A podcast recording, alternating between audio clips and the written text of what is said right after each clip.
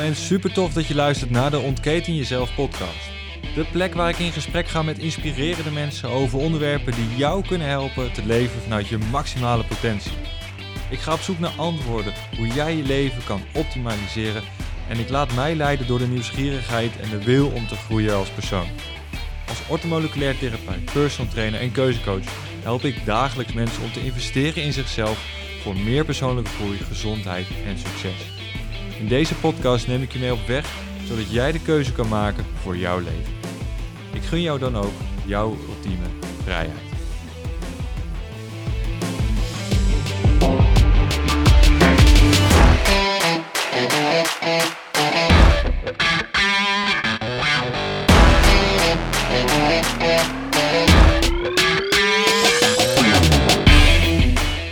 Superleuk dat je weer ingeschakeld bent bij een nieuwe aflevering van de Ontketen Jezelf podcast op deze mooie vrijdag. Je bent gewend van me dat ik op vrijdag de podcast alleen doe en dat is vandaag anders. Ik zit vandaag namelijk eh, aan mijn eigen keukentafel samen met mijn vriendin Nens en we dachten van, weet je, hoe tof is het om samen een podcast op te nemen waarbij we onze werkvelden eigenlijk naast elkaar leggen en kijken van wat, wat doet dat nou? Nens die, uh, die is contextueel systeemtherapeut. Zij gaat het zo meteen uitleggen wat, dat, uh, wat het inhoudt. Um, maar ja, we wonen dus samen, we leven samen, we doen van alles. Dus vandaar ook deze podcast om gewoon even te kijken van... Hey, hoe kunnen nou twee verschillende werelden bij elkaar komen en elkaar versterken? En ja, dat is dus eigenlijk de reden dat we dachten van... Nou, deze podcast gaan we daarvoor opnemen. Um, nou, Nens, leuk dat je aan je eigen keukentafel uh, zit. Ja, het is natuurlijk gek, want ik heb dit apparaat en uh, al vaker en heel, nou ja, ook geregeld ge gehoord en voorbij zien komen. En nu, uh, nu ben ik daar zelf met jou aan de keukentafel om hier een podcast op te nemen. Dat is wel een beetje gek, maar ja. ook heel erg leuk uiteraard. Ja, het, ja, het is een beetje, een beetje gek. We zitten nu, ik, we zitten hier aan de keukentafel op, uh, op maandag de derde en aanstaande vrijdag komt deze podcast online. En we zitten hier aan tafel, het is ongeveer uh, een uur of half tien. En de laptop staat er. Ik heb een uh, mooi apparaat uh, met allerlei lichtjes en geluid uh, wat ik kan programmeren. En er liggen wat snoeren om tafel heen, kopje thee erbij. Dus ja, het, het is een beetje alsof we ja, bij elkaar op de koffie komen. Alleen ja, dan, dan met die microfoons voor, de, voor onze neus. Ehm, maar in ieder geval, Nens, contextueel systeemtherapeut, therapie. Voor de mensen die jou niet kennen, stel je even voor. En voor de mensen die nog niet weten wat dat leuke werkveld is, wat jij doet, leg het even uit alsjeblieft. Nou, leuk, dankjewel. Um, mijn naam is Nens en vanuit Liever Vrij werk ik um, uh, eigenlijk veelal met gezinnen. En als contextueel systeemtherapeut doe ik eigenlijk niet meer dan kijken met iemand um, naar de dingen waar je in het leven op dit moment tegenaan loopt, hoe die in verband staan met vroeger. Dus daar waar je bent opgegroeid en daar waar je de normen en waarden hebt geleerd om jouw leven verder in te uh, vullen. En mogelijk ook over um, overtuigingen en um, andere zaken die je hebt geleerd vanuit jouw ouders.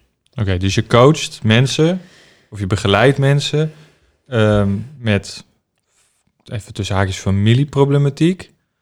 Mm -hmm. Om vanuit de context, dus het, het, het familiesysteem dan weer, te kijken naar wat gebeurt er. En waar ligt dan de angel? Waar, waar zit de pijn? Of hoe moet ik dat zien? Um, ja. ja, eigenlijk daar, op die manier kan je het wel zien. Um, iedereen in zijn leven loopt wel eens ergens tegenaan, hè, mogelijk. Um, ervaar je op je werk problemen of um, uh, met vrienden, vriendinnen. We reageren vaak op elkaar in plaats van dat we naar elkaar luisteren. En het reageren op elkaar is veelal de vraag van... hey, um, als je zo reageert op de ander... is dat mogelijk een ervaring die je eerder in je leven al hebt opgedaan? Dus op het moment dat ik tegen jou zeg... Um, Um, en dat weet ik dan toevallig van jou. Op het moment dat ik tegen jou zeg, nou, wat ben jij, um, nou, die lelijke rode haren van jou.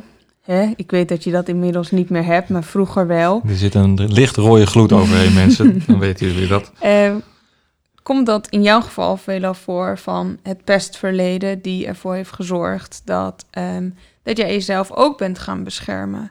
Nou, dat beschermen, dat resoneert in je verdere leven vaak eh, terug, hè, om niet opnieuw die pijn eh, te hoeven ervaren.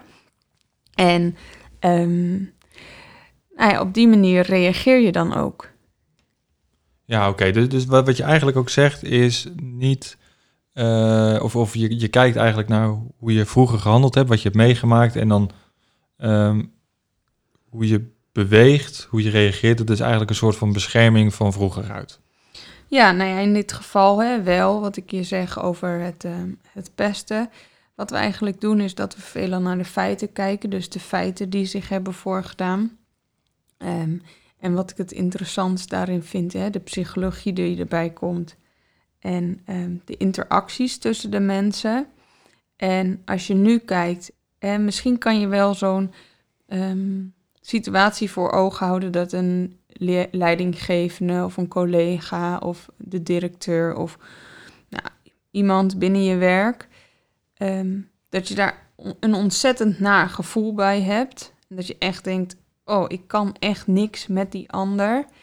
Ehm, en de vraag is interessant om jezelf op dat moment te stellen is, hey, wat voor wat raakt diegene in mij waardoor ik op deze manier reageer? En mogelijk is dat iets wat één van je beide ouders vroeger ook bij jou heeft aangeraakt. En dat kan een totaal andere situatie zijn. Alleen het gevoel wat jou daarmee is aangedaan of wat jij daarmee hebt geraakt, dat resoneert. En op het moment dat je op die manier dus ook naar, naar situaties nu kijkt, ehm, haalt dat je terug naar vroeger en kan je dingen ook opruimen en ehm, ehm, veranderen of patronen doorbreken. Ja, dus eigenlijk zeg je dat alles wat we nu meemaken en als het ons raakt, als iemand zeg maar die rode knop indrukt, dan is dat een spiegel van vroeger uit waar we nog wat te leren hebben. Ja. Nou ja, welke situatie wij zelf natuurlijk daarin wel hebben meegemaakt en die ik ook wel geregeld vertel, is, ehm, is op een moment dat jij, ehm, nou dat wij echt net een relatie hebben. Ik ga verhuizen naar een andere studentenwoning. En jouw ouders zijn samen. En ik zie dat je nu al moet lachen, want dit is ook wel een leuke situatie. Jouw ouders zijn samen en mijn ouders zijn gescheiden toen ik, in, eh, toen ik acht was. En daarna heb ik ook binnen een samengesteld gezin nog gewoond. Afijn. Wat er gebeurde, was dat Paul mijn ehm, vloertje in mijn eh, kamer legde. Mijn nieuwe kamer in, eh, in Utrecht. Bloed, zweet en tranen twee dagen lang op je knieën laminaatje leggen. Dat wilde ik even bij zeggen. Ja. en wat er eigenlijk gebeurde is dat ik ehm, het ontzettend lief vond en attent. En via de app kon ik daar echt heel goed op reageren. En zei ik, nou, wat geweldig. En ehm, nou, maar die tweede dag dat ik daar thuis kwam, toen, ehm, nou, toen was, het was de kamer klaar. En toen liep ik naar Paul toe en zei ik, wauw, wat mooi, wat fijn. En eigenlijk liep ik een soort van over jou heen, als in dat wat jij aan mij had gegeven.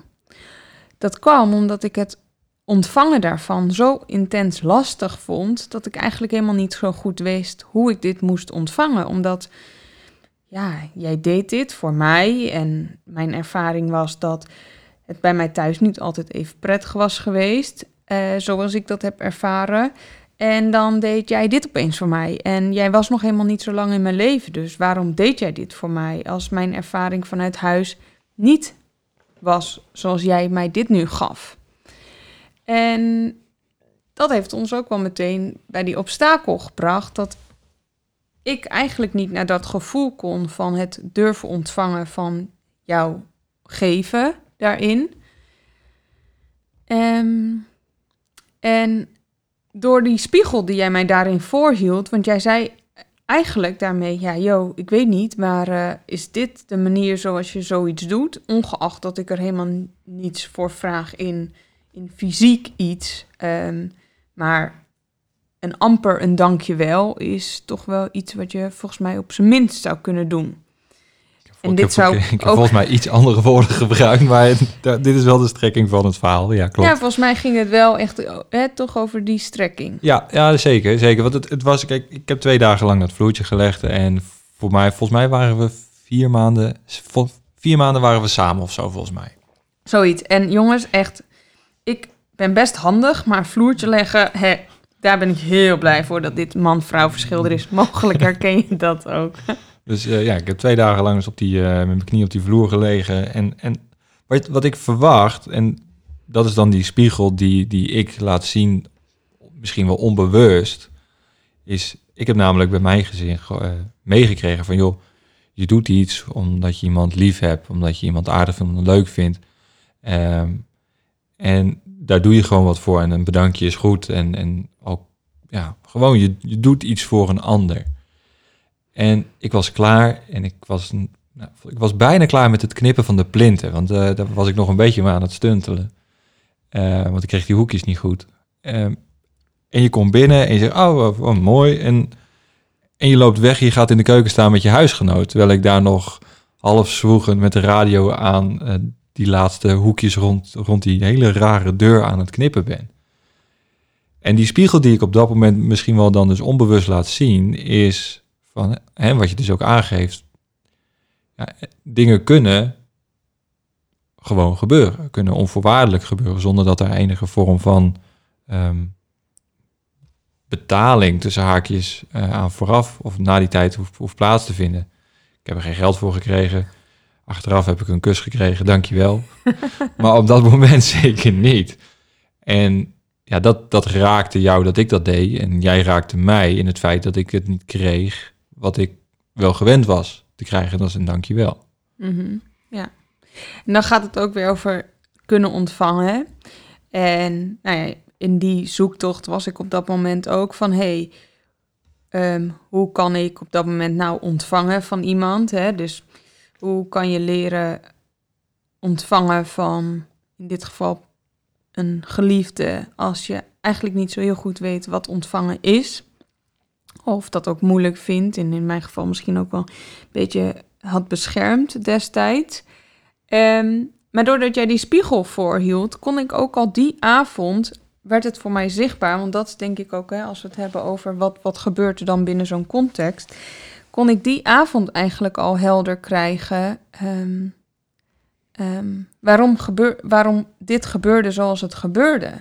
En dat ik dacht, wow, dit raakt mij zo over dat, dit, dat Paul dit zomaar voor mij doet, zonder dat hij daar iets voor terug moet hebben.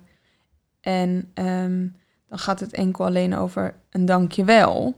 Dat ik daarmee ook weer iets had kunnen opruimen voor mijzelf. En dat ik daarmee dus ook in, in de relatie met jou dit soort zaken veelal vaker heb kunnen herkennen en erkennen. En dat ik niet het bij jou neerleg.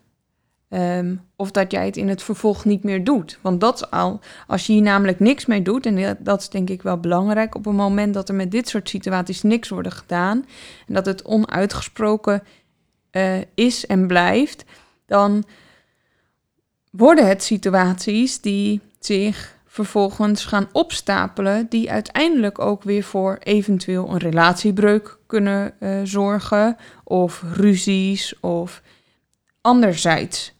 Omdat je elkaar niet begrijpt, omdat je letterlijk een andere taal spreekt door de opvoeding die je hebt gehad. En jij had daarin een andere opvoeding gehad dan ik.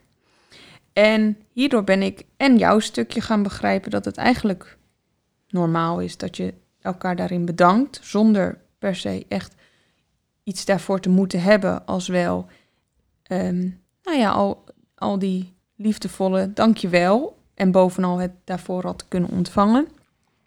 En jij van mij dat het kunnen ontvangen ontzettend lastig um, was.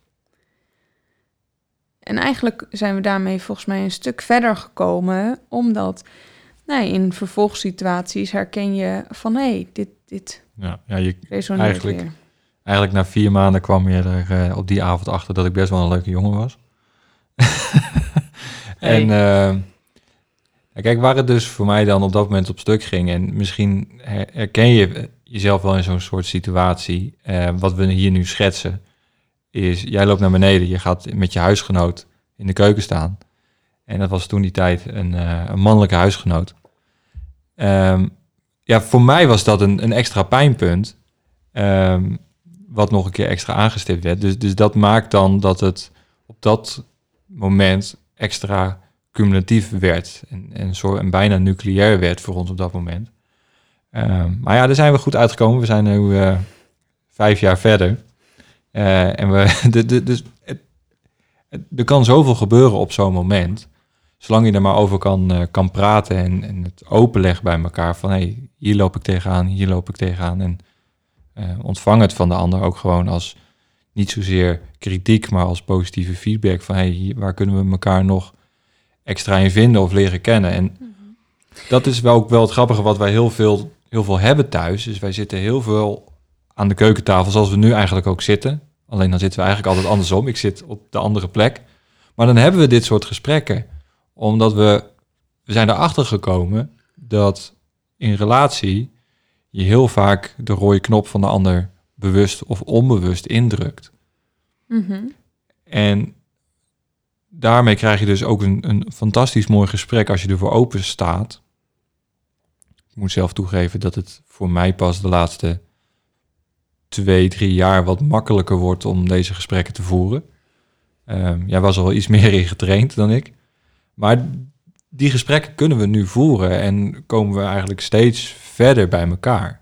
Mhm. Dus we creëren daarmee ons eigen systeem, ons eigen familiepatroon al van wat willen we wel, wat willen we niet, wat hebben we meegekregen, wat willen we vooral niet laten zien en wat nemen we wel mee en kunnen we van elkaar overnemen of leren, Mhm. eigen maken. Ja, en als je dat dus, hè, als je dat dus even bekijkt op binnen het werk, wat ik doe, is dat wij dus allebei vanuit een andere familiegeschiedenis elkaar tegen zijn gekomen of op elkaars pad zijn gekomen. Alleen wij, kijk, wij zullen altijd vanuit onze familiebril naar situaties kijken. En op het moment dat we vanuit die situaties of vanuit die bril blijven kijken, excuus, dan zullen we dus nooit ehm, de situatie of het verhaal van de ander kunnen begrijpen. Dus daarvoor is altijd een gesprek nodig. Wat we namelijk gewend zijn, is dat we veelal invullen voor de ander zoals het voor de ander mogelijk zou kunnen zijn. En het daarover in gesprek gaan geeft eigenlijk veel meer. Het, het durven stellen van die vragen of ehm, wel die kritische feedback durven of kunnen geven. En er vooral er ook om kunnen lachen uiteindelijk. Ja, want, Want want het, ons vloertje leggen is wel een beetje het verhaal wat we ook wel vaak delen. Omdat het zo kenmerkend is geweest in het doorbreken van een bepaald patroon voor ons allebei. ja, ja, we hebben elkaar ook niet op een hele, ja, het is tegenwoordig een normale manier, maar we hebben elkaar via Tinder leren kennen. Eh, ja, we gooien het er maar gewoon uit. We zijn, we zijn een Tinder date en eh, dat is uitgegroeid tot wat het nu is. En dat is wel grappig, hè? want nu, als ik daar om me heen daarover hoor, dan is het best wel normaal of hoor je het steeds vaker. Maar in het jaar wanneer wij elkaar hadden ontmoet, was het eigenlijk heel gek. Want toen was het net en dat je dacht, huh, maar je hebt toch ook nog wel een andere manier dan via Tinder elkaar te ontmoeten. Of er waren andere intenties bij, Ja, bij eh, het, absoluut. het Tinder daten. En nu nog steeds, hè, hoor ik. Dus dat, dat is volgens mij niet heel ja, niet uit eigen ervaring dat je dat nog meemaakt. Nou ja, hè? Nee. nee hoor. Nee, maar het feit dat je gewoon om, je vra om de vragen kan lachen en, en eigenlijk om elkaars ja, gekke tekortkomingen misschien wel. Want het, het, het, het- en daar bedoel ik het leuk mee en gek mee en, en, en grappig mee. Want kijk, ik laat af en toe echt wel steken vallen. Dat weet ik ook wel. En we kunnen er achteraf gewoon om lachen en jij doet het ook. Eh, maar we kunnen er wel over in gesprek gaan. Die gekke vragen die we elkaar kunnen en, en, en durven stellen, zorgt er wel voor dat je eh, dichter bij elkaar komt. En dat maakt het zo, eh, zo leuk. Gaat wel, want dat vind ik al wel dan weer zo'n kritische noot. Dan gaat het ook wel over je veilig durven voelen bij de ander. Hè, als we kijken naar, naar ook dat wat wij daarin alweer hebben moeten overwinnen, is dat jij eh, volgens mij na 14 jaar, ehm, voor je voor het eerst hebt durven huilen. Dat heb jij, had jij ook heel lang weggestopt. Daarin, ik helde, nou, ehm veelal We als gaan, we gaan wel heel diep nou in één keer. ja, inderdaad. Ik heb pas ik heb een tijdje geleden voor het eerst weer geld sinds 14 jaar. Ja, Ja, ja, dus daar is wel veiligheid voor nodig, want anders had je dat nooit gedaan. En dat geldt voor mij eigenlijk ook. Ehm, het feit dat ik me ook hè, rondom dat vloertje bijvoorbeeld, of ehm, rondom ehm, het soms ook loslaten van, van dingen, ehm, het niet altijd sterk hoeven zijn, dat ik dat heb durven loslaten bij jou, zorgt ook omdat er wel ergens een basisveiligheid is gecreëerd. Omdat we elkaar wel kunnen aanspreken. hey, dit voelt niet oké. of hey, dit vind ik onprettig. In plaats van dat, dat ik tegen jou zou zeggen: ehm, jij dit of jij dat. Want daarmee leggen we eigenlijk steeds de bal bij de ander. Terwijl het altijd gaat over jouzelf. ja, dat, ja zeker. En, maar dat is ook hetgeen waar we allebei tegenaan zijn gelopen in, ehm, in, in wie we zijn nu. Als je kijkt naar... eh, kijk, ik ben gaan doen wat ik ben gaan doen omdat er in mijn jeugd iets... eh, ik, ik ben gepest. Ik, ik ben- van de TL-HAVO... ben ik uiteindelijk teruggezakt naar de TL. Uiteindelijk wel mijn HAVO gehaald tussenjaar. Een paar opleidingen gedaan die ik niet heb afgerond. Daarna uiteindelijk een keuze gemaakt op basis van wat, me, wat mijn ouders soort van voor me hadden uitgestippeld, omdat ik maar wat moest doen. En daarna pas mocht ik aan de gang met, me, met mijn sport, mijn voeding. En, en ben ik eigenlijk gaan doen wat ik leuk vond. Met de pesterij in mijn achterzak. ehm, met ja, andere dingen die mij naar, naar beneden hebben gehaald. Ben ik een, was ik een andere jongen dan menig ander jongen. En jij had dat hetzelfde. Jij bent ook gaan doen wat je bent gaan doen, omdat je een rugzak had mee, hè, op je rug mee had. En wij Ja, dragen dat nu samen, hè, een, een, een nieuwe, maar daarin zijn we twee vreemde eenden in de bijt. En we lopen nu nog steeds, en dat is niet erg, we lopen af en toe nog steeds tegen een muur aan van het, het onszelf zijn en wat de ander daarvan vindt. Hè, die, eh, die oordelen die er zijn over dat wat wij doen. Jij met eh, je contextueel systeemtherapie, wat best wel wazig is op sommige momenten, maar zo concreet kan worden als je erin verdiept. En zo mooi en zo krachtig is als je op die manier gaat kijken naar, eh, naar, naar, naar je familie, naar je, naar je werk, of in ieder geval naar elke manier van het systeem waarin je beweegt. Ik kijk naar een lichaamssysteem en hoe je het voedt en hoe je het, hoe je het laat bewegen, wat voor je werkt, hoe je meer focus en, en energie kan krijgen. Daar kijk ik naar. Mm, En de, voor, de, de oordelen die we tegenkomen in ons dagelijks leven van dat we rare dingen doen, Mhm. Ehm, dat neem je ook weer mee in zo'n rela in, in de relatie van hoe je op bepaalde manieren reageert naar elkaar.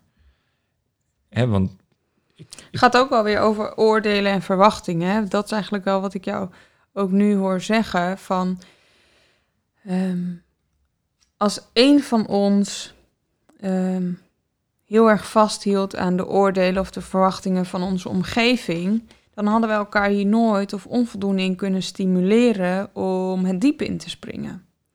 Want dan hadden we of niet gedurfd, of een van beiden had niet gedurfd, of we hadden uiteindelijk ehm, uit elkaar, we waren uiteindelijk uit elkaar gegroeid omdat we ehm, door de ander zijn of haar verwachtingen die nooit waar konden gaan maken. Ehm, of die onvoldoende konden ondersteunen omdat onze omgeving daarin nou, een te sterke mening zou hebben of hebben gehad over dat wat we doen. En dat is denk ik wel heel mooi, is dat dat wij daarin ook wel heel erg transparant altijd zijn.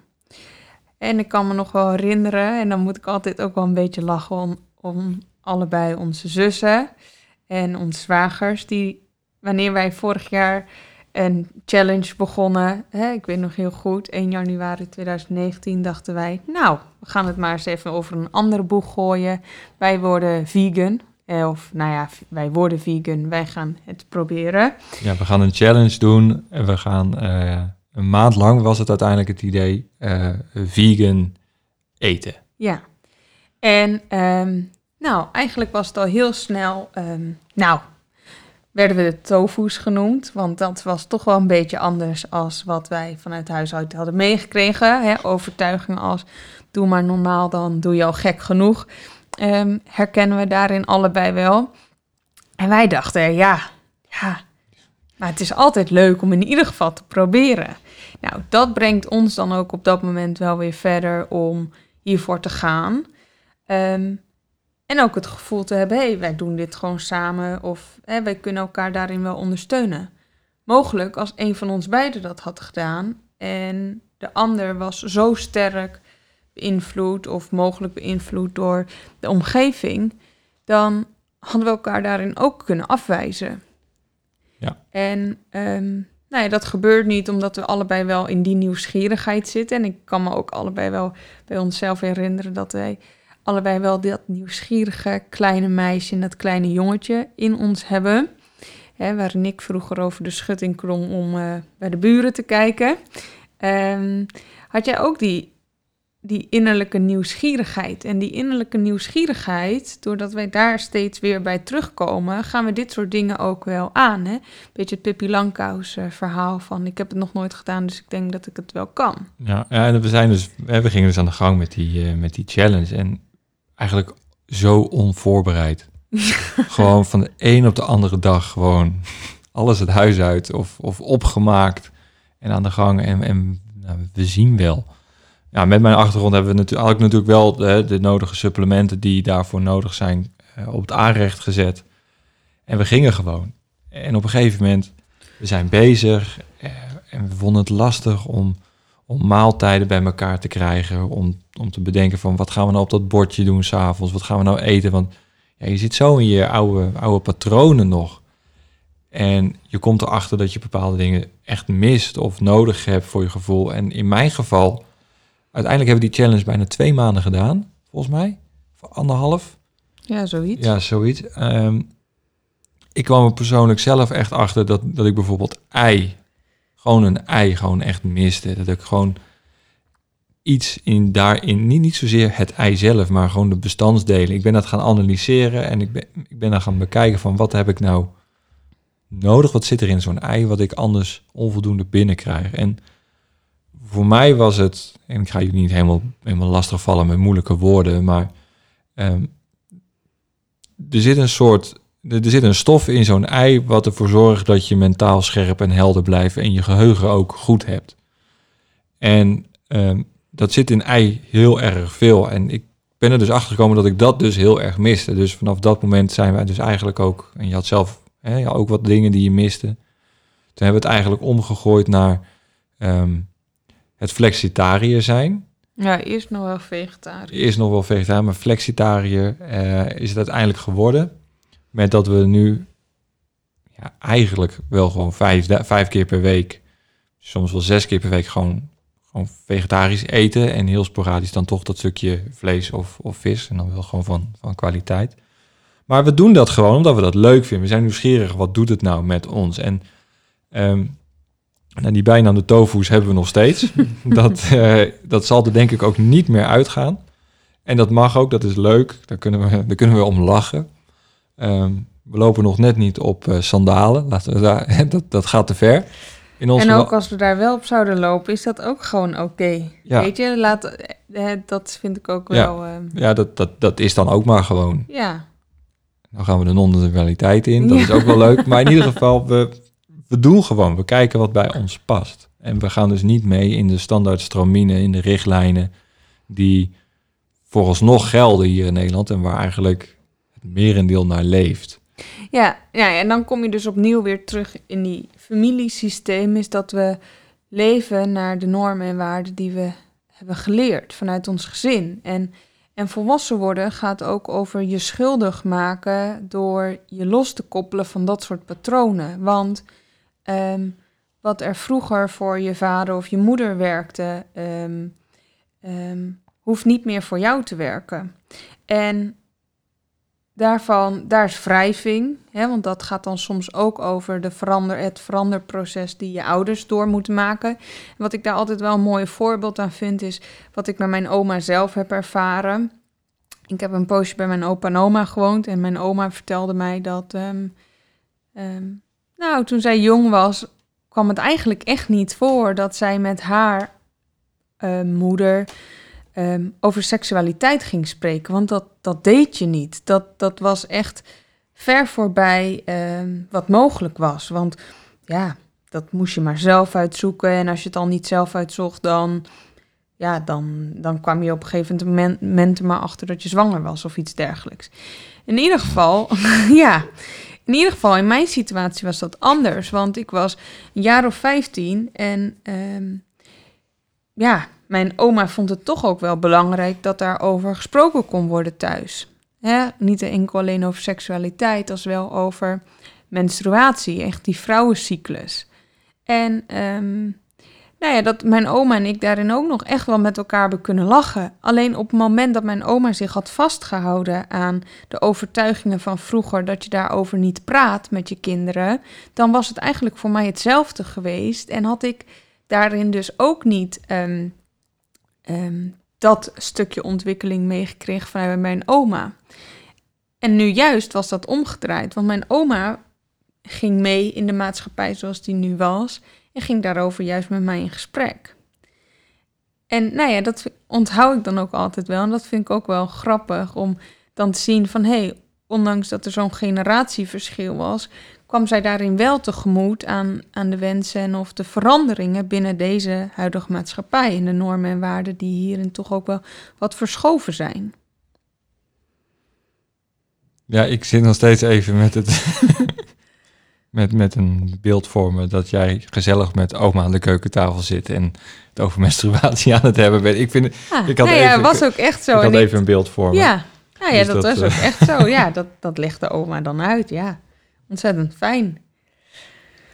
Ja, oké. en nou, daarmee kwam zij wel tegemoet aan, aan de generatie van toen. In plaats van dat ze zich vasthield over aan de generatie van eh, haar, waarin daarover niet gesproken kon of mocht worden. ja, en jij hebt eraan overgehouden dat je alles bespreekbaar maakt en er ook geen schaamte meer is. Absoluut. Dus Absoluut. Dat maakt dat echt alles besproken wordt, is en ook niet meer achter de gesloten voordeur, achter de deur blijft. Ehm, alles wordt ehm, aangeraakt en besproken in dit huis. Dat is wel grappig. Maar dat maakt het ook zo leuk, want je leert elkaar op een zo eh, op een zo'n diepere laag kennen. En ja, soms kraam je gewoon wat uit wat gewoon raar is. En dat kan gewoon. En dat is leuk. En, maar dat maakt dus dat zo'n relatie ehm, niet alleen in het systeem anders wordt. In het systeem wat wij met z'n tweeën aan het creëren zijn en hebben. Maar ook fysiologisch wat er gebeurt. Want er zijn zoveel verbindingen die in je, in je hoofd gebeuren. Stofjes die aangemaakt worden. Ehm, die ervoor zorgen dat je je lekkerder in je vel gaat zitten. Dat je meer kan ontpoppen tot wie je bent. Als je ehm, die patronen, die belemmeringen er niet meer, eh, niet meer hebt. Of, of dat je daardoor heen kan breken. En, en dat is hetgeen wat, wat ik wel de afgelopen vijf jaar, vijf en een half jaar gezien heb, nu, nu we zo samen zijn, is dat we dat allebei wel leuk hebben kunnen doorbreken en dat we elkaar daar ook in stimuleren om dat te doen. Dus niet alleen in het systeem, maar ook op fysiologisch, stoffisch niveau ga je een verbinding met elkaar aan. Het is, het is bijna energetisch dat je dan op zo'n manier met elkaar in contact staat. En ja, zo'n soort verbinding kan je met niet veel mensen maken. Omdat dat, ja, je, je wordt toch misschien wel anders gezien eh, door, de, door de buitenwereld. En als je volledig jezelf bent, het is superkrachtig en ik kan iedereen adviseren het te gaan doen. En, eh, en ballast los te laten. Maar wees wel bewust van het feit dat, dat je daarin ook een, een andere spiegel voorge, voorgelegd krijgt van, van de ander. In de zin van omdat zij of hij het misschien nog niet kan of durft, gaat er iemand volgas tegenin. En dat is hetgeen wat Mhm. wij ook wel meemaken. Ehm, Ja, als je op een gegeven moment weer, hè, want dat, als je op een gegeven moment weer eh, terechtkomt bij onverwerkte stukken van jezelf.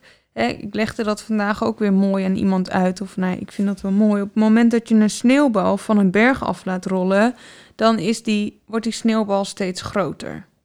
als die berg dan voor de tijd staat, dan is die sneeuwbal onderaan ontzettend groot. Dus hoe langer je uh, wacht om iets met die sneeuwbal te doen, hoe groter die wordt. Op het moment dat aan de bovenkant van de berg die sneeuwbal nog wat kleiner is en um, um, je pakt zo'n sneeuwbal vast in je handen, dan smelt dat.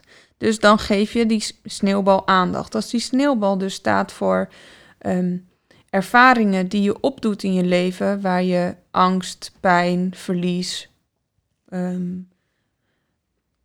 nou ja, welke andere vorm van um, pijn dan ook aan koppelt, dan kan het je vaak beter helpen om dat aan te kijken met jezelf dan dat je wacht en uiteindelijk een veel grotere sneeuwbal en dus een veel grotere last moet zien te, um, verwerken. Ja. En ik hoop dat het een beetje helder is, want dat, dat is ook wel waar je in je leven um, op iedere momenten weer tegenaan loopt. Hè? Wat ik vaak hoor is dat mensen heel perfectionistisch zijn. Nou, ik heb hier tegenover me ook nog wel iemand die daarin iets perfectionistischer is dan ik. Ik herken mezelf hier totaal. maar perfectionisme zorgt er dus soms ook voor dat je uiteindelijk niet tot die actie um, overgaat, omdat de angst voor afwijzing daarin vele malen groter is. En op het moment dat je het dan over die sneeuwbal hebt, is de vraag: hey, welke sneeuwbal is het die ik mag aankijken of vast mag houden en wat meer uh, liefde mag geven en mag koesteren? Want daarmee wordt die sneeuwbal ook weer kleiner. En um, dat is ook een proces en dat is niet maakbaar, weet je. Dus daarin, wat jij ook zegt, ja, daarin komen wij iedere keer weer de stukken van onszelf tegen.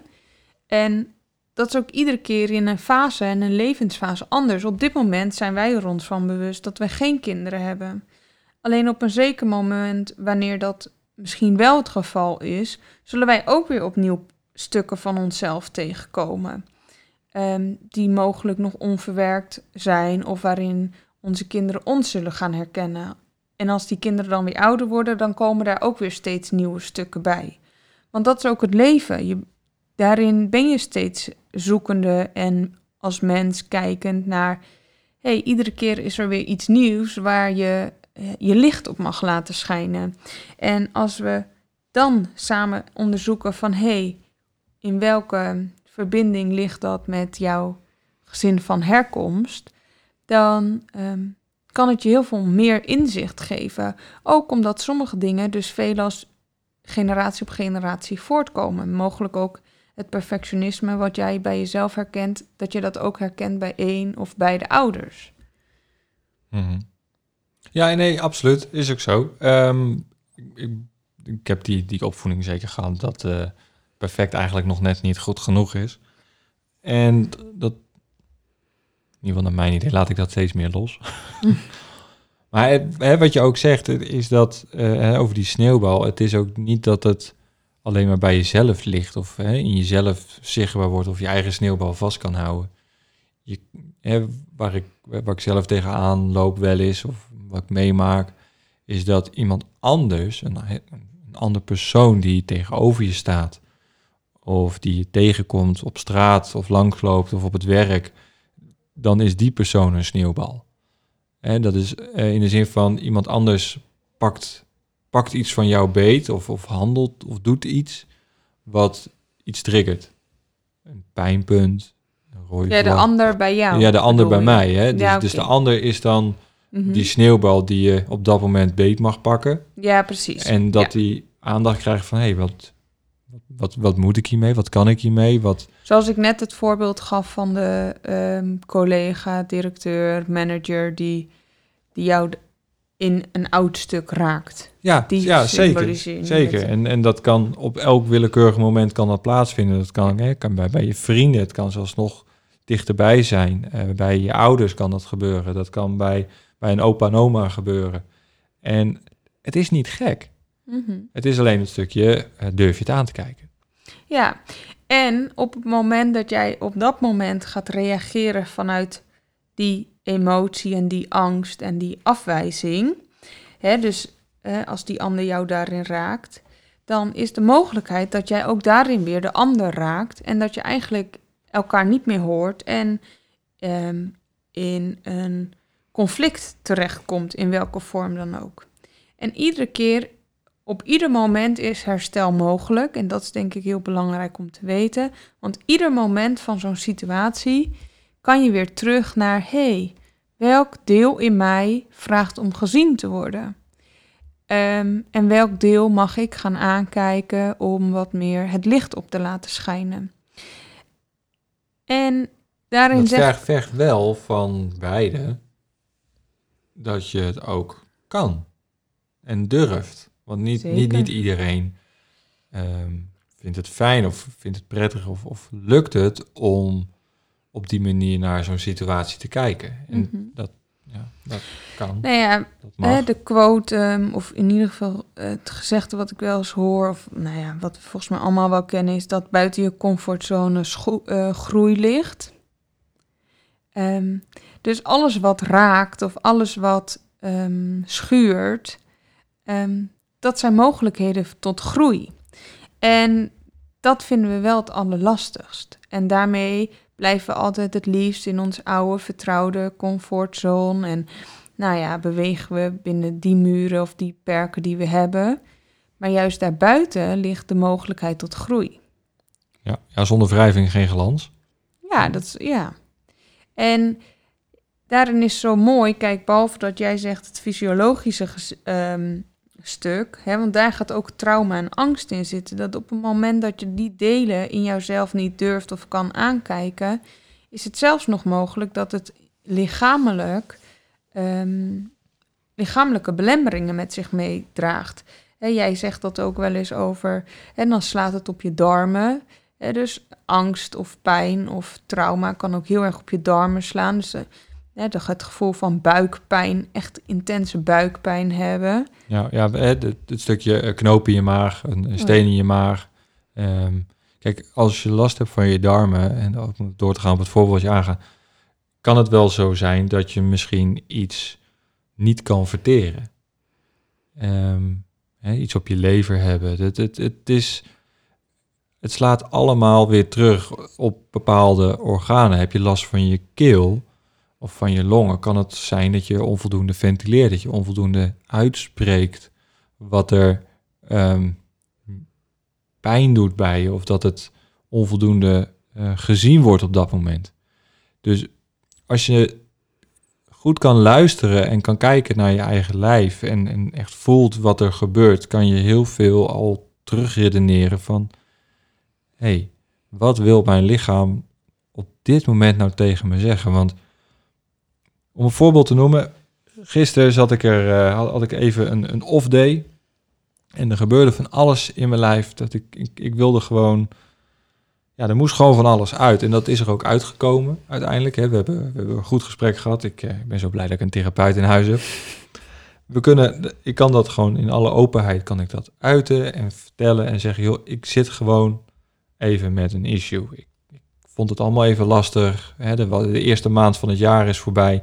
Wat is er tot nu toe gebeurd? Wat is er veranderd? Wat, ik heb zoveel wilde plannen en ideeën waar, hè, als we dan over die sneeuwbal hebben, ehm, gaat mij die sneeuwbal niet snel genoeg. En daar, daar liep ik gisteren gewoon tegenaan. En dat, dat, En dat is dus precies mooi, hè? want jij zegt Ja. nu die sneeuwbal ging niet snel genoeg. En dan zeg ik, hé, hey, maar het helpt niet om die sneeuwbal harder te laten rollen als pak die sneeuwbal dan vast en kijk wat heeft, hè, welk stuk in jou vraagt om wat meer gezien te worden in plaats van harder te werken of ehm, niet meer te werken. ja, hard werken is dus niet altijd een oplossing. Daar Nee. ehm, ben ik gisteren eh, weer even feit, eh, fijn met mijn neus op de feiten gedrukt. Ehm, het is ook het loslaten, het aandacht geven en, en, en het issue er gewoon laten zijn. Het, in dit geval hè, de sneeuwbal het laten smelten. Dat, je, dat het niet erg is. We willen vanzelf wel, we willen heel snel, we willen heel veel. En dat lichaam vertelt je ook gewoon van, help, nu even kappen. En ik had gisteren ook gewoon een, een error in mijn hoofd. Mhm. We hebben een leuk gesprek gehad, maar ik had gewoon echt een error in mijn hoofd. Er moest gewoon een hoop, hoop weer even losgemaakt worden en, en, er, en er moest eruit. En ehm, vandaag een, een, weer een afspraak met, uh, met Jaap. Jaap is mijn, is mijn business coach. En daar heb ik het ook nog even met hem over gehad van, hey, wat, waar loop ik nou tegenaan? En op dat moment voel ik gewoon letterlijk mijn schouders weer zakken en denk van, oké, die zware last, die is er op dit moment gewoon weer af. Dus ik kan weer verder, ik kan weer, en ik, ik heb een heerlijke dag gehad, dus soms heb je het ook gewoon. Mhm, En Zeker. het stukje fysiologisch gezien kan je ervoor wegrennen. Je kan een paracetamol nemen of pijnstillers.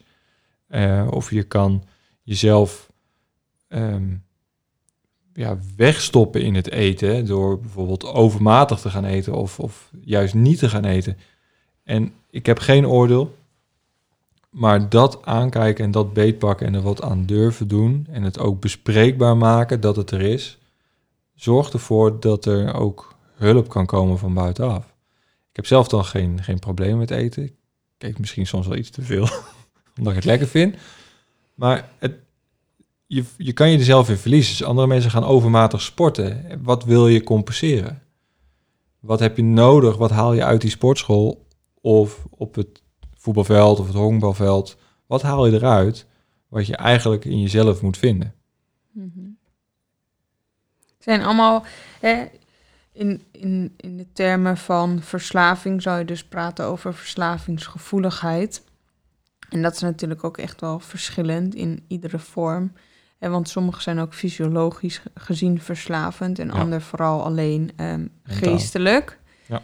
Ehm, alleen ehm, daarmee probeer je dus een gevoel wat in jouw lichaam aanwezig is, op die wijze er niet meer te laten zijn. En dan hebben we dus weer over die sneeuwbal die zo snel rolt, is toch weer terug te gaan van hé, hey, pak die sneeuwbal vast en kijken naar en ehm, dan zal het gaan smelten.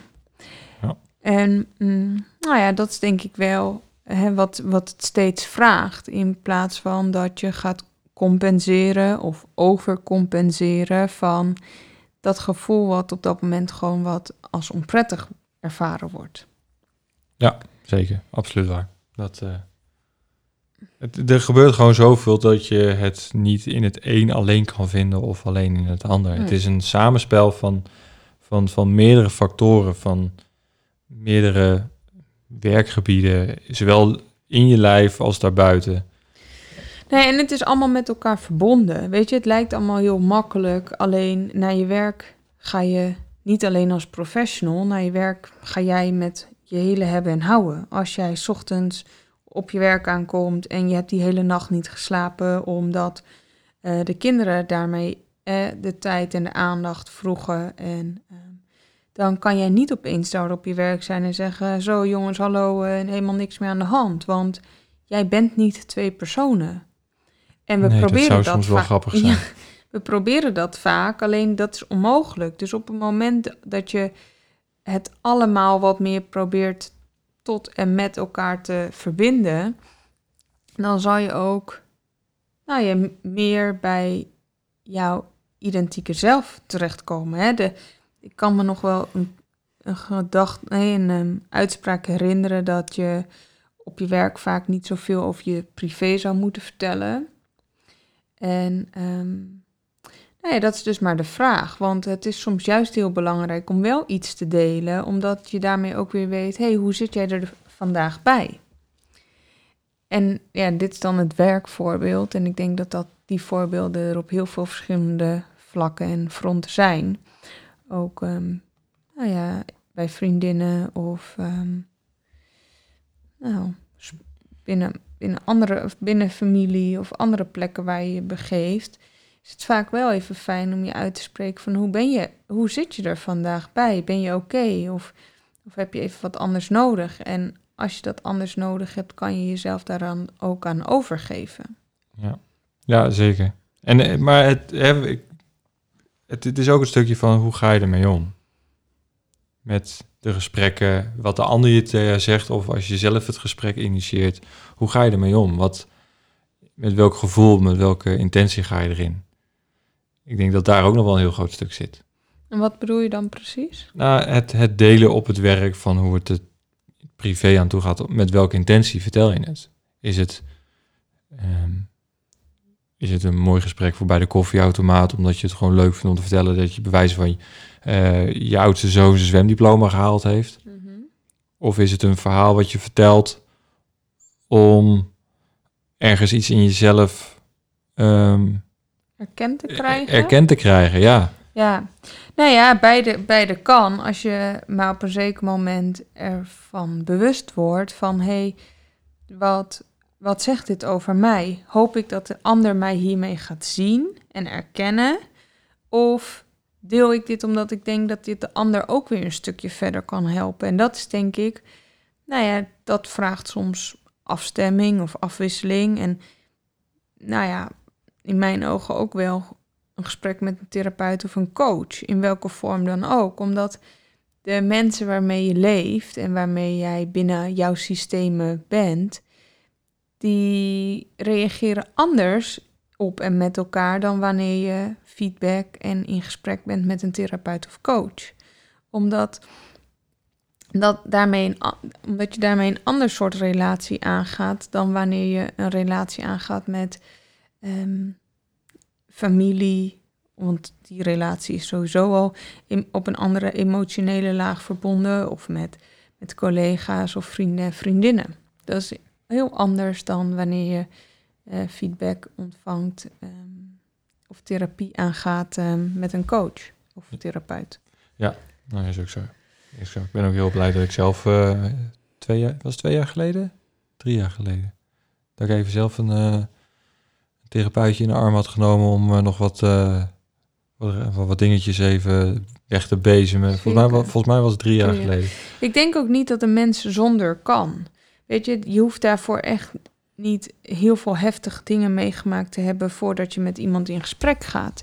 Het gaat vooral over het leren kennen van jezelf. Wie ben jij? 95% van ons handelen is namelijk onbewust. Dus als je die onbewuste laag bewuster wil krijgen, vraagt dat om feedback, vraagt dat om jezelf beter te leren kennen, vraagt dat om investering in jezelf te doen, in welke vorm dan ook. En um, we zijn er vaak op gericht om uh, vooruit te kijken en niet um, naar de shit, uit onze eh, de shit uit ons verleden. En ik zeg altijd, die shit uit je verleden, in welke hoedanigheid dan ook, heeft jou ook gebracht tot waar jij nu bent. En daar mag je waarschijnlijk heel erg dankbaar voor zijn dat je bent waar je nu op dit moment bent. Alleen om verder te komen vraagt het wel om de lessen vanuit het leven um, of uit het verleden um, daar te ontdekken en te bekijken. Van hé, hey, wat heb ik daar nou echt uitgeleerd en wat is helpend voor mij en wat niet? En nou ja, dat is denk ik wat je soms niet beter kan doen dan met iemand die dat met jou in kaart kan brengen of um, nou, daarover in gesprek kan gaan met jou. Om jou daarin ook te spiegelen en verder te helpen dan waar je op dit moment bent. Nou, mooi gesproken. Zeker. Ja. Nou, kijk, we, we begonnen eigenlijk op een gegeven moment in, de, in dit gesprek... en daar wil ik eigenlijk naar, even naar terughaken... Om, omdat ik dat zo, zo mooi vond... is, we hadden het over het... Um, hoe mensen op je reageren als je anders bent... anders doet dan de ander. Van je verwacht of wat, wat gewend is, gewoonte is. En en we, we lopen daar natuurlijk dagelijks tegen aan, dat hebben we net al gezegd. En toch blijft het lastig op sommige momenten van hoe blijf je er nou tegen vechten? Hoe blijf je er nou mee omgaan? Laat je het los? Laat je het vrij? Laat je het gewoon zijn? Of ga je er weer tegenin? Het, het is wel vaak die afweging wat je gaat doen. Eh, ook wie er tegenover je staat. Of, uh, of naast je staat. Het, het, maakt het, het maakt het wel, want er is altijd een bepaalde dynamiek in de ruimte. En ja, ik weet niet zo goed hoe ik het, hoe ik het moet zeggen, maar het, het, het maakt het. Het is soms zo lastig om volledig jezelf te zijn, omdat je weet dat er gewoon kritiek kan komen en niemand wil kritiek krijgen. Nee, maar dan komen we ook wel weer terug over volwassen worden. Volwassen worden gaat over het schuldig maken. Jezelf schuldig maken aan het nedurf zeggen of het um, keuzes maken die anderen misschien minder snel zullen maken. en durven niet durven. Of dat jij mogelijk als kind de keuzes maakt die ja, ouders eigenlijk zo graag hadden kunnen maken. En op het moment dat zij die pijn al aan hadden kunnen kijken, dan hadden ze die ehm, hadden ze dat niet bij jou neer hoeven leggen. Nee, dan hadden ze dat bij zichzelf ze- gedaan. eh. Het bij zichzelf gedaan en dan hadden ze trots kunnen zijn. Op het moment dat daar een bepaalde manier of gevoel van jaloezie bij zit, dan zal je een andere reactie ontvangen dan wanneer zij in volledige ehm, vrijheid jou daarin alles kunnen gunnen en jou daarin ook een stap verder kunnen brengen dan waar jij, nou ja, daarvoor was. Ja, want je kan natuurlijk altijd leren van elkaar. Zeker. En En, dat is ook hetgeen wat er, wat er dan gebeurt. Van, of wat, hoe ik het vaak zie. Je kan, wat er ook gezegd wordt, er is altijd een leercurve. Je kan altijd leren van de ander. Van wat zegt hij, wat doet hij, wat, hè, welke spiegel legt die ander mij, mij voor. En als, we, als je die, die leercurve niet wil zien, of niet kan zien, of dat er anderen niet beetpakt, want dat kan natuurlijk ook dan, dan maakt dat zo'n gesprek natuurlijk vrij lastig en misschien wel gelijk nucleair. Ehm, en ja, dan, dan kom je op een, op een scheidslijn of een tweestrijd van wel eens niet eens. Wat, wat is nou wel normaal, wat is nou niet normaal? Kijk het naar bijvoorbeeld eh, de verjaardagen die wij hier thuis vieren. Ehm, niet dat wij inderdaad als een stelletje tofu's alleen maar bleekselderie en wortels neerzetten, want dat is verre van. Maar wij krijgen wel de opmerking van, heb je wel normaal eten in huis? Mhm. En ehm, dus, die, dus die weeg die er eigenlijk misschien wel onbewust of bewust in, in een grapvorm eh, neergelegd wordt. Wat zit daaronder? Ja, en de vraag is dan dus ook, gaat het over jou of gaat het in dit geval, in deze gevallen altijd over de ander? En ik- gaat het over de van- ander in onverwerkte stukken? Ja, ik ben van mening dat het niet bij mij ligt. Maar Ja. dat is misschien... eh, nee, ik vind dat geen egoïstische gedachte. Nee, en dat gaat dus ook weer over dat schuldig maken. Dat als jij het anders doet, zul je per definitie schuldig maken. ehm, omdat we daar nou eenmaal ook geen kritiek op, over mogen hebben. Weet je, als ik, als ik dan ook weer denk aan die heilige huisjes. We willen liever gewoon geen kritiek hebben. Ehm, we willen ook liever geen kritiek ontvangen. Want dan komen we toch weer terug op die uit je comfortzone, waar mogelijkheid tot groei ligt. En op het moment dat we ons vooral comfortabel willen voelen, dan is het ontvangen of het aanhoren van kritiek of afwijzing of nou, wat dan ook, ehm, toch echt het minst prettige. Ja. En juist wel zo nodig op dat moment. Zeker, zeker. En het brengt een ieder altijd ook wel weer verder. En nou ja, op het moment dat je daarvoor open staat, en dan kom ik ook wel weer terug op dat stukje veiligheid. Veiligheid is daarin dus ook echt van essentieel belang. Want als jij die veiligheid niet hebt geleerd of hebt kunnen leren vanuit jouw gezin vroeger, dan wordt het soms ook wel heel. ehm, ehm, ehm, Je komt er even niet op. Nee. Dat het ehm, niet meer. ehm, ja, ik kom er gewoon Ja, niet je op. er gewoon ik weet het Ja. niet. Nou, maar dat, het, Grenzeloos. Dan wordt het ook heel grenzeloos. Sorry. Dan wordt het ook heel grenzeloos, omdat je je eigen veiligheid ergens probeert in te kaderen. Alleen, nou ja, niet die mogelijke grenzen weet. Ja, nou, en dat, dat maakt, hè, als we dan kijken naar, naar veiligheid, naar het stukje meegekregen van familie, dat maakt het ook zo, of hè, gezin, dat maakt het zo, zo mooi wat wij op een ander vlak doen. Jij kijkt iets meer naar, naar het, het, naar de psyche van, van hetgeen.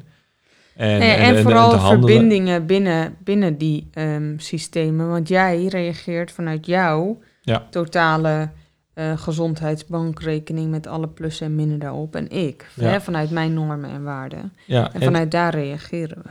En het, het stukje is dat eh, fysiologisch gezien, hè, als we kijken naar, het is heel erg, het is misschien heel erg lastig en confronterend wat jij doet qua werken, wat je soms zegt tegen mensen en wat je ook wel eens tegen mij zegt, komt wel vrij, ehm, ja, kan vrij hard binnenkomen. En dat, dat is ook dat is oké. Maar als je kijkt bijvoorbeeld naar, naar het voedingsstukje, dat is ook zo persoonlijk. Dat is, hè, want dat is hetgeen wie we zijn. Dat is hetgeen wat we hebben meegekregen. Dat is hetgeen wat ons koestert, ons veilig houdt, ons troost, um, ons oppept. weet je, het, het, komt zo dichtbij van wie jij bent, Mhm.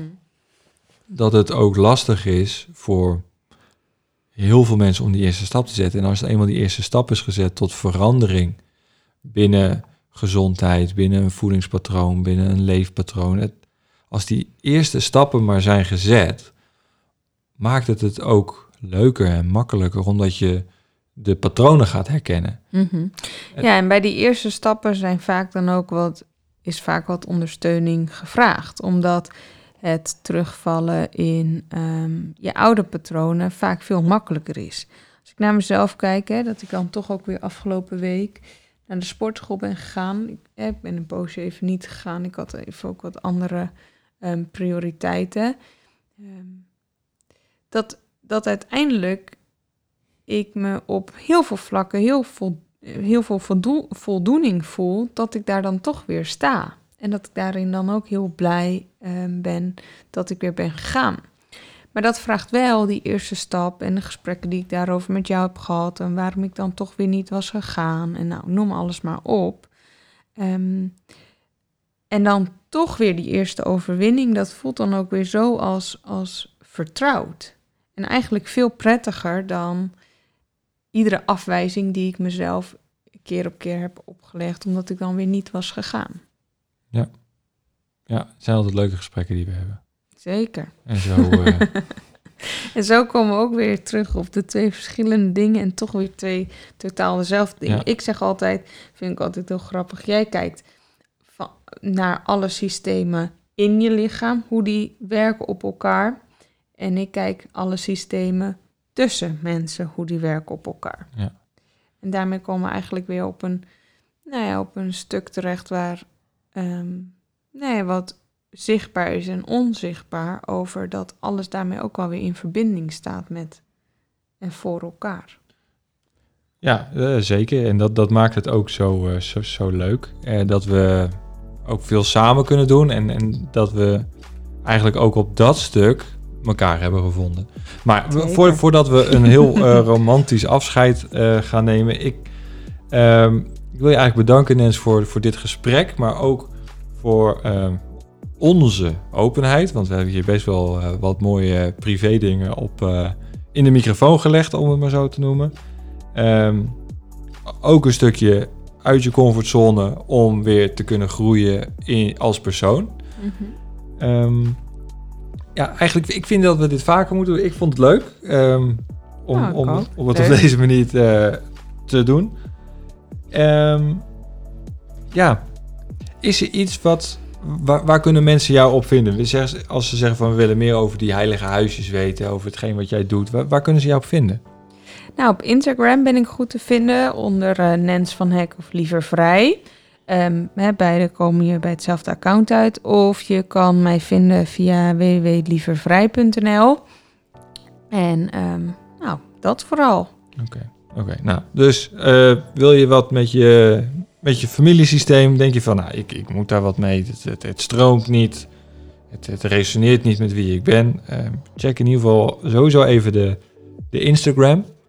Want daar eh, deel je altijd hele, hele toffe dingen. Ehm, ik lees ook al die stories. Ik vind het zelf ook nog leuk. en ik leer er ook af en toe nog wat van. Dus dat, eh, dat maakt het eh, ook gaaf, omdat we hier natuurlijk veel over hebben thuis. Voor nu wil ik eigenlijk rustig aan gaan afsluiten. Weet dat er nog steeds twee boeken te winnen zijn als het gaat over ehm, eh, websites bouwen. Dus check even de podcast als het gaat over deze twee boeken. En dan de twee podcasts van Maarten en Vanessa. Dat is nummer 12 en eh 16 uit mijn hoofd. Ja, uit mijn hoofd. Ik weet het niet helemaal zeker. Pin me er niet op vast. Maar dat zijn eh, die twee van Maarten en Vanessa van het CIS-platform. Eh luister het. Zijn twee super toffe ondernemers op het gebied van websites. Wil jij daar zelf wat mee en wil jij een, een tof boek winnen... wat op de nummer 2 positie heeft gestaan in de Management Top 100... schrijf een toffe review over een van deze twee uitzendingen op Apple Podcast, YouTube of kan zelfs op mijn Facebook-account. Dan uh, maak je kans om een van deze twee boeken te winnen. Uh, voor nu nog even heel snel. Uh, volgende week zit ik in Polen. Ga ik een Wim Hof Experience doen. En ik zal daar ook een podcast opnemen. Om ervoor te zorgen. Oh, twee weken. Ja, ik, ik krijg in één keer een. Twee weken. Over twee weken zit ik in Polen. Ga ik een Wim Hof Experience doen. En dan neem ik daar een podcast op. Om jullie mee te nemen in mijn koudtrainingsweek daar. Met het ijsdippen en de korte broekwandelingen in de sneeuw. Dus bij deze maak er een fantastische week van en uh, tot de volgende uitzending.